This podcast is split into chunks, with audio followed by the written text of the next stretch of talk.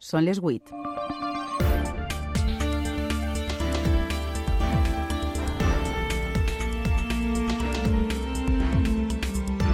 A punt. Les notícies de la nit. Amb Alba Requejo. Hola, bona nit. La d'este divendres ha sigut o és encara una jornada molt complicada per als camioners valencians que necessiten travessar les carreteres de França per a aportar mercaderies a este o altres parts del centre d'Europa. Són les víctimes directes de la gran protesta convocada pels llauradors i viticultors francesos contra les polítiques de Brussel·les i la nova legislació agrària que prepara el govern de Macron. Protestes massives que han col·lapsat pràcticament tota la xarxa viària del país veí, no només el pas de la Jonquera. Hi ha hagut incidents aïllats d'assalts a camions i de crema de mercaderies. El sector més afectat, el del transport frigorífic. Algunes empreses xifren en almenys 120.000 euros les pèrdues econòmiques a la comunitat valenciana, amb vora 600, eh, 60 camions bloquejats. L'Associació d'Empreses de Transport Frigorífic reclama solucions polítiques. José María Arnedo és el president. Pido al gobierno francés y pido al gobierno español que tomen cartas en el asunto eh, y que solventen las cosas en los despachos, que por medio del diálogo se pueden arreglar muchas cosas. De seguida n'ampliem abans algunes de les notícies que els contarem els pròxims 25 minuts d'informatiu que tenim avui. Els titulars Sara Garcia, Herminio Lozano en el control tècnic. Anem amb tot.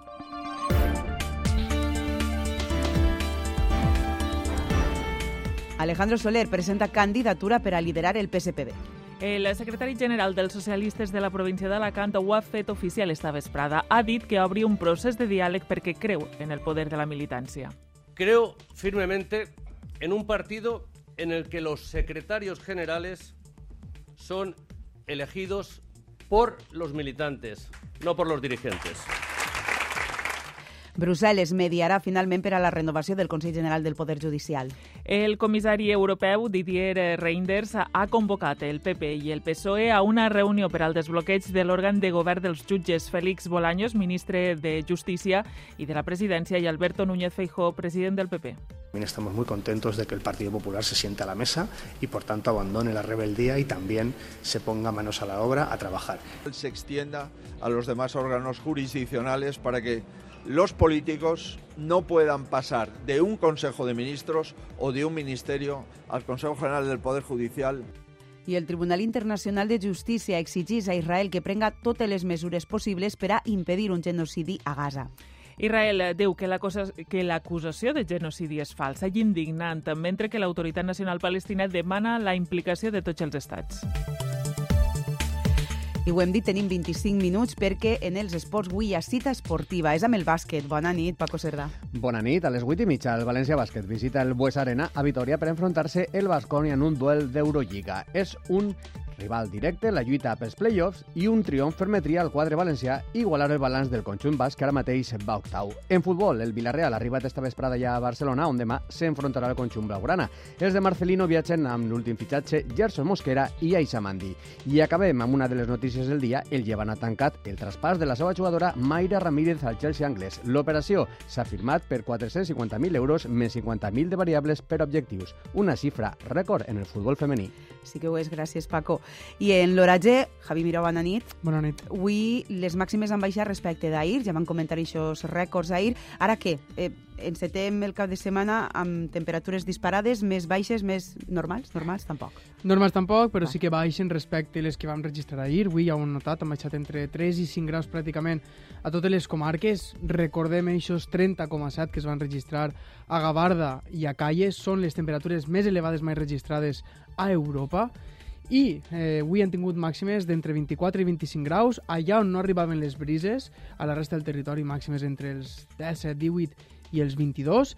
I per a este cada setmana que esperem, doncs, pas de núvols mitjans i alts. Si de cas, la jornada de diumenge, de cara a la vesprada, podrien formar-se núvols baixos en punts del litoral, però continuarem amb aquesta dinàmica de pas de núvols mitjans i alts, amb clarianes, i temperatures màximes i mínimes que baixen per a demà, i màximes i mínimes que baixen una miqueta més per a diumenge, però continuarem amb valors per damunt de la mitjana.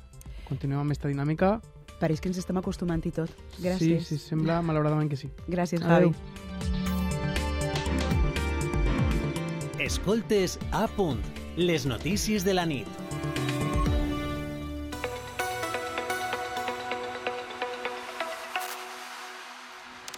Divendres negre a França, protagonitzat per uns llauradors en peu de guerra, ja tenen resposta. El govern francès acaba de decidir que retira l'augment de l'impost al gasoil agrícola per a frenar unes mobilitzacions que tenen bloquejada tota la xarxa viària del país veí. Entre els damnificats, centenars de conductors valencians. Les empreses valencianes parlen de pèrdues molt quantioses. Ens ho conta Carles González. Assalta camions i crema de mercaderies en este divendres de fúria la francesa i amb la passivitat absoluta de la gendarmeria. Han sigut incidents aïllats. De dia la situació empitjora a mesura que passen les hores. Cues quilomètriques han col·lapsat els passos fronterers, les autovies i les carreteres departamentals, com esta de Narbona a Besiers. És una ratera. Vicent Frau és camioner valencià i viatja cap a la Junquera. 6 hores parat. En 6 hores he caminat com uns 12 o 14 quilòmetres.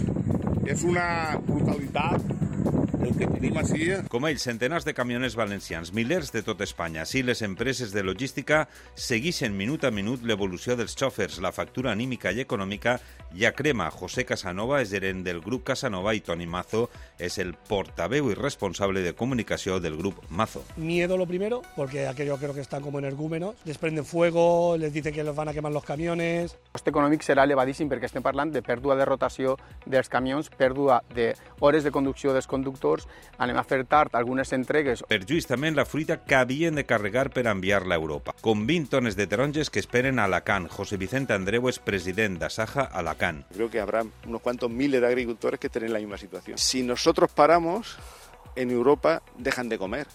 Y eso tendrán que planteárselo también los gobiernos. I el govern francès ha mogut fitxa. Acaba d'anunciar que retirarà la pujada de l'impost al gasoil. És una de les principals reivindicacions dels llauradors francesos que sempre deixen els mateixos damnificats a este costat de la frontera.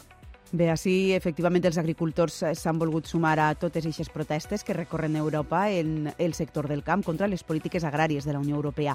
Avui, a la plana d'Utiel Requena han cremat la foguera del vi, una foguera feta de les branques de les vinyes que s'hi cultiven.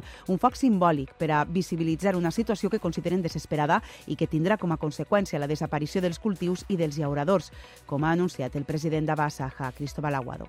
Está claro que con la política agraria europea que nos están aplicando eh, van a sobrar cepas, van a sobrar olivos, van a sobrar almendros y va a sobrar hasta el cereal. Y los que van a sobrar son los agricultores que van a tener que ir al paro si la política agraria europea sigue así. I és que no es cansen de denunciar la competència deslleial que pateixen per les polítiques impulsades des de Brussel·les. Vienen aquí y naturalmente no están obligados a cumplir las normativas laborales, fiscales ni de ningún tipo. Utilizan abonos prohibidos aquí y en definitiva todas las técnicas y obligaciones medioambientales que tenemos aquí, allí ni se habla. Eso es competencia desleal muy clara.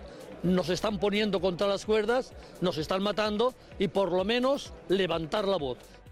A la iniciativa de visibilitzar el greu problema que pateix el camp valencià s'han sumat la Unió Llauradora i Ramadera, diverses cooperatives agroalimentàries, les associacions de viticultors i la DEO Utiel Requena.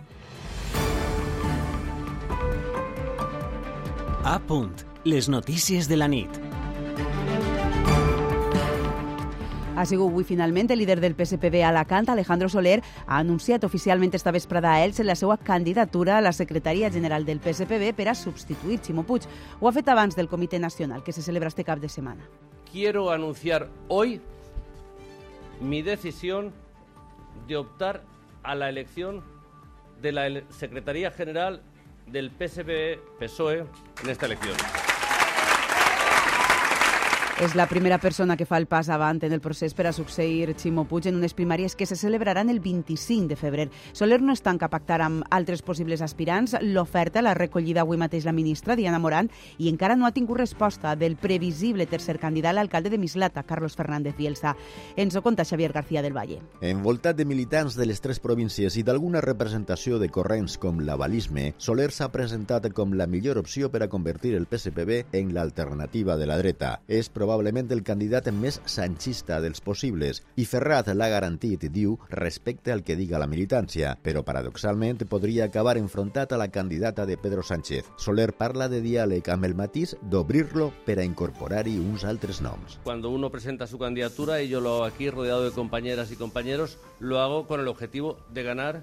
Planteamos una propuesta abierta e integradora, no para quien se quiera sumar, sino para quien quiera conformar con nosotros y con nosotras esa propuesta. Y por ello abrimos un proceso de diálogo con todas y con todos aquellos que lo estimen oportuno. La ministra Diana Morant de moment recull el guant. Un proyecto unido, fuerte para el PSPB en la Comunidad Valenciana siempre vale la pena y por tanto yo seguiré también en esas negociaciones y a disposición del partido. El tercer aspirant, el líder provincial de València, Carlos Fernández Bielsa, es reserva la resposta. No anunciarà la candidatura fins que el Congrés estiga convocat, cosa que farà demà a porta tancada el Comitè Nacional del PSPB. La presentació oficial de candidatures es farà dilluns i dimarts que ve i el eh, president eh, de la Generalitat insisteix en la necessitat d'un fons d'anivellament que compense l'infrafinançament. Carlos Mazón respon així a la ministra d'Hisenda, que ahir descartava aquesta possibilitat. Maria Jesús Montero reitera que l'Estat assumirà part del deute de les autonomies i demana al PP que fixe una posició única de l'Aida Ferre. Carlos Mazón insisteix sí a la reforma del finançament i sí a la condonació del deute, però abans diu cal un fons d'anivellament. Antes de empezar a hablar de la nueva etapa, porque si a la nueva etapa de financiación vamos a llegar eh, con una ala en vez de con dos, que es que como llevamos volando demasiado tiempo... El president respon així a la ministra d'Hisenda que ahir rebutjava l'autoanomenada conjura de Fitur i retreu que l'acord de govern entre el PSOE i Sumar contemplava un fons de compensació transitori. Lo han firmado hasta Compromís, Sumar y el gobierno de España hace unos días y ahora de repente nos dicen que no. Però avui Maria Jesús Montero matisa ese acord. La proposta del govern espanyol per a compensar els territoris més endeutats passa, diu, per assumir una part del deute autonòmic. Que l'Estat assuma parte del endeudamiento al que incurrieron las comunidades autónomas por la mala gestión del Partido Popular. Segons Montero, en l'últim Consell de Política Fiscal i Financera, totes les comunitats, la majoria governades pel PP, es van oposar a la creació d'un fons d'anivellament i per això reclama als populars que fixen una única posició. ¿Cuál es la posición del Partido Popular? No de Andalucía, de Murcia o de Valencia. Però els quatre territoris pitjor finançats insistixen a continuar fent front comú. En el cas valencià, la col·laboració amb Castella-La Manxa s'estendrà també a la sanitat. Mazón i García Page han acordat suprimir límits burocràtics per a l'atenció sanitària en zones limítrofes. Més coses, nova resolució del jutge García Castellón que investiga Tsunami Democràtic per terrorisme. El magistrat creu que tenien intenció d'actuar contra el rei a Barcelona i demana a la Guàrdia Civil que ho investigui. Ana Domènech. El jutge de l'Audiència Nacional, Manuel García Castellón, creu que Tsunami Democràtic pretenia actuar contra el rei a Barcelona el 2020, aprofitant el lliurament dels Premis Princesa de Girona, que finalment es van cancel·lar per la pandèmia. En la nova resolució dictada avui, demana a la Guàrdia Civil que ho investigue. També si un mosso d'esquadra hauria facilitat informació sobre la seguretat del monarca. Esta última tesi del jutge es basa en unes converses entre dos implicats en el cas. Després de quatre anys d'investigació, García Castellón està afegint ara nous elements a la causa per terrorisme del tsunami i en 24 hores ha dictat quatre interlocutòries. Tot i la coincidència en el temps amb les esmenes a l'amnistia, el govern no ha volgut valorar-ho i descarta més canvis en el text de la llei.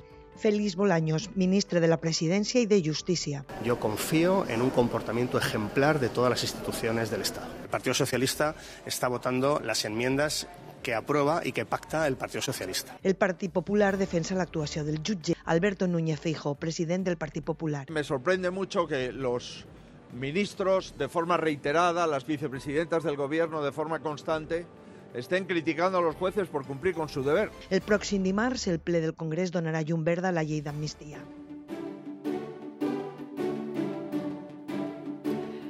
La Comissió Europea mediarà en el desbloqueig per a la renovació del Consell General del Poder Judicial. La tasca de mediació la portarà directament el comissari europeu de Justícia, Didier Reinders, que ja ha citat per a dimecres que ve el ministre de Justícia, Félix Bolaños, i el vicesecretari institucional del PP, Esteban González Pons. El comissari ha emplaçat les dues formacions a seguir les recomanacions. La composició du Consell de la Justícia... Ha recordat que caldrà primer aprovar la composició del Consell i després la reforma de l'elecció. A més, ha donat un termini de dos mesos perquè la negociació arribi a bon terme.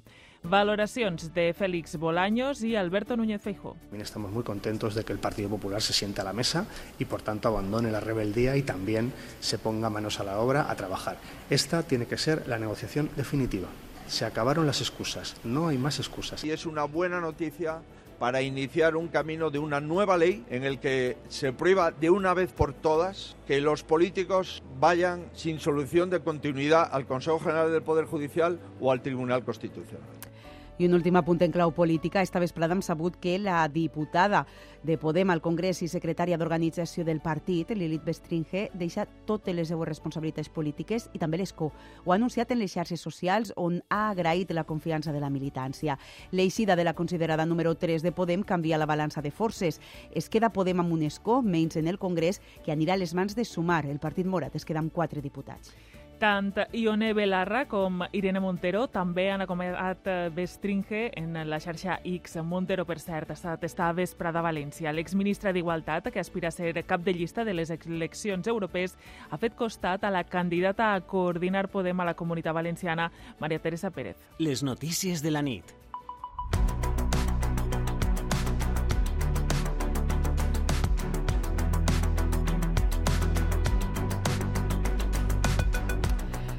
La Fiscalia de l'Audiència Nacional obrirà una investigació per via penal pels delictes contra els recursos naturals i la hisenda pública que es podrien haver comès en extraure presumptament de manera il·legal aigua del riu Bullent, a la marjal de Pego Oliva. La denúncia l'ha feta Acció Ecologista Agro, que des de fa més d'una dècada qualifica l'espoli del bombeig d'aigua dels pous molt per damunt dels límits autoritzats. Es calcula que el perjuí econòmic arriba als vora 12 milions d'euros. Amparo Fernández. Bona vesprada. Sí, era una antiga denúncia d'Acció Ecologista Agro. Com dius, Víctor Navarro és el representant d'Acció Ecologista Agro en la Junta Rectora del Parc Natural de la Marjal Pegoliva. El 2013 venim reclamant a la Confederació Hidrogràfica del Súquer que controli els bombejos d'aixòs pous que estan en el port de les aigües, no? perquè afectaven al riu Bullent, al ullal del, de les aigües. Ullals que han arribat a secar-se, especialment a l'estiu, segons els ecologistes, per un abús de les extraccions d'aigua. Els aqüífers, les masses d'aigua subterrània, són importantíssimes en, en moments de sequera però clar, si estan sobreexplotades no podrien fer aquesta funció. La denúncia ha derivat en la via penal. La Fiscalia de l'Audiència Nacional investigarà aquests bombejos massius, un espoli que hauria fet presumptament l'empresa concessionària Aigües del Bullent, que pertany a un grup empresarial dedicat al sector serveis i a la promoció d'hotels i vivendes. Aigües del Bullent subministra aigua a tot el, el Olivanova Golf i el, tots els xalers des del riu Bullent al riu Racons, no? i per tant els volums d'aigua que subministra són importants. L'Ajuntament d'Oliva, que és el titular de la concessió, atorga a l'empresa un volum anual d'extracció com a màxim de 440.000 metres cúbics.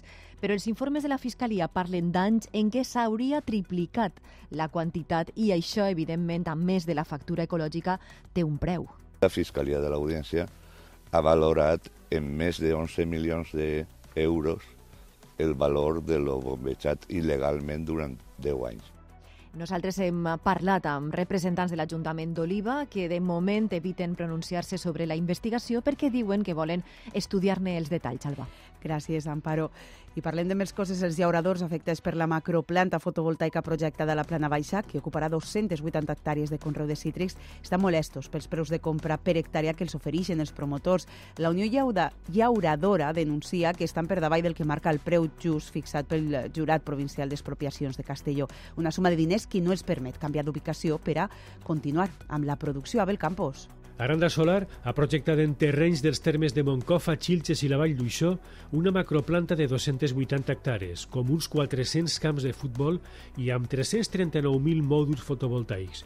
L'empresa està informant dels llauradors del preu que està disposada a pagar. Paco Aguilar, llaurador de la Vall d'Uixó. En el meu cas me donarien 2.800 euros per fanecada, eh, que en aquest import me pareix molt baixet per, i no podria anar-me'n a una altra terra a comprar, a adquirir una altra terra, plantar-la i fer lo mateix que, que tinc. Per terrenys erms paguen 2.500 euros la fanecada, per arrendament 150 anuals i 650 si hi ha cítrics. Per a la Unió Llauradora és un preu ridícul. Carles Peris, secretari general. Ja n'hi ha sentències i precedències a través del, del justipreu que el fa el jurat provincial d'expropiacions, pues els preus són molt més elevats. La planta ha rebut el vistiplau de la Comissió Nacional dels Mercats i la Competència, però el rebut frontal dels propietaris de 570 parcel·les agrícoles. Ara està donant dels últims passos, comprar o llogar els terrenys als afectats i aconseguir l'autorització administrativa de construcció per a començar les obres. Escoltes a punt, les notícies de la nit. El Tribunal Internacional de Justícia ha exigit a Israel prendre les mesures necessàries per a impedir un genocidi a Gaza, però no a demanar l'alto el foc. La resolució és vinculant, tot i que el tribunal no té capacitat per a fer-la complir. Des de l'Autoritat Nacional Palestina demanen la implicació de tots els estats. Arturo Monedero. L'alt tribunal evita demanar un alto al foc a Gaza. To prevent. En canvi, els magistrats sol·liciten a Israel que previnga i castigue la incitació a cometre genocidi sobre el poble palestí. De fet, aprecien indicis d'este delicte i desestimen la petició del govern de Netanyahu de rebutjar el cas. Urgently needed. Des de la Haia demanen que entre urgentment ajuda humanitària dins de la franja. Ordenen també que es conserven les proves dels crims i que Israel s'informe en un mes del compliment de les mesures adoptades. L'executiu sud-africà, que va interposar la demanda al desembre, ho ha celebrat amb molta alegria. Però la seva ministra d'Afers Estrangers advertís que per a reduir el dany sobre els civils cal que Israel ature l'acció militar. El seu homòleg palestí recorda que la resolució és vinculant i d'obligat compliment. Fa una crida a tots els estats perquè garantisquen la seva implementació, ja que el tribunal no té capacitat executiva. El primer ministre israelià ha manifestat que l'acusació de genocidi és falsa i indignant. Això sí, aplaudís que l'Aia no demane l'alto el foc i promet que el seu país continuarà fent una guerra que qualifica de justa contra Hamas fins la victòria total. I a les 7 hores i 53 minuts, l'estat d'Alabama ha començat l'execució de Kenneth Eugene Smith per inhalació de nitrogen. By order of the Alabama Supreme Court, Així ho ha anunciat el comissionat de presons nord-americà, Sara. Sí, és la primera vegada que s'aplica este mètode experimental que els veterinaris recomanaren per a matar porcs sobre un reclus condemnat a la pena capital. En este cas és el que s'ha aplicat. El procés ha durat 23 minuts i els testimonis l'han descrit com agònic. L'execució ha reobert el debat sobre el càstig màxim vigent a 27 estats nord-americans. A punt, les notícies de la nit.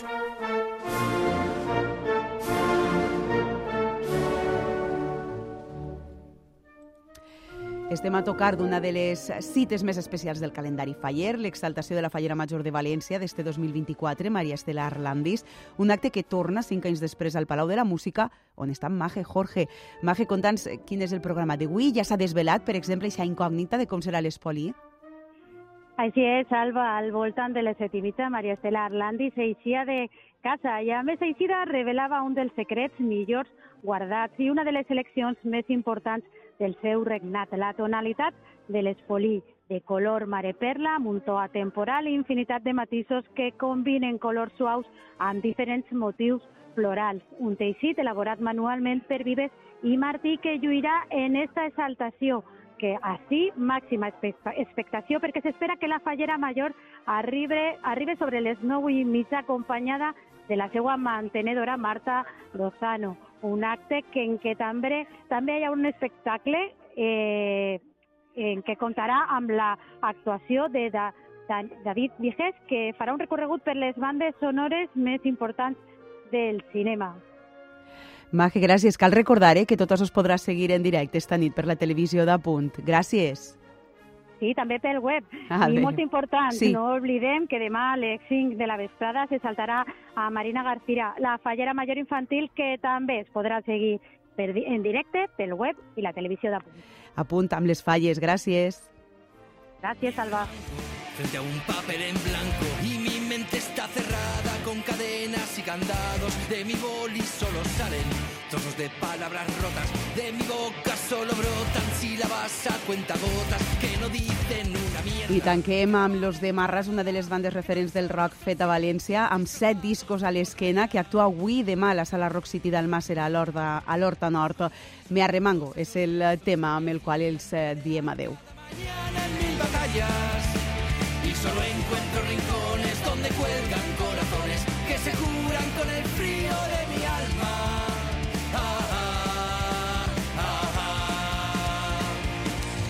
Les notícies de la nit torna ja dilluns. Ara ens demana pas ja els companys, es demanen el pas els companys de, dels esports.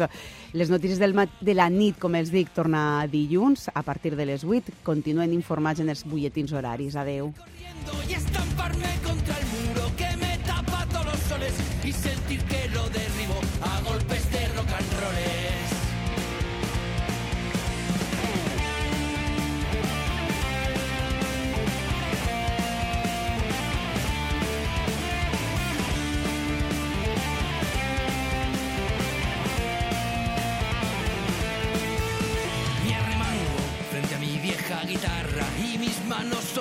son muñones que ya no tocan acordes. De mi boca solo salen trozos de canciones muertas. De mi boli solo brotan mil tachones que me cuentan que mi musa está que trina, que se muere, que agoniza porque ya no vio la vida a través de su sonrisa. Busco entre mis huecos melodías que me hacían perpetrar todas las noches fechorías. Y solo encuentro rincones donde hay se llenan con el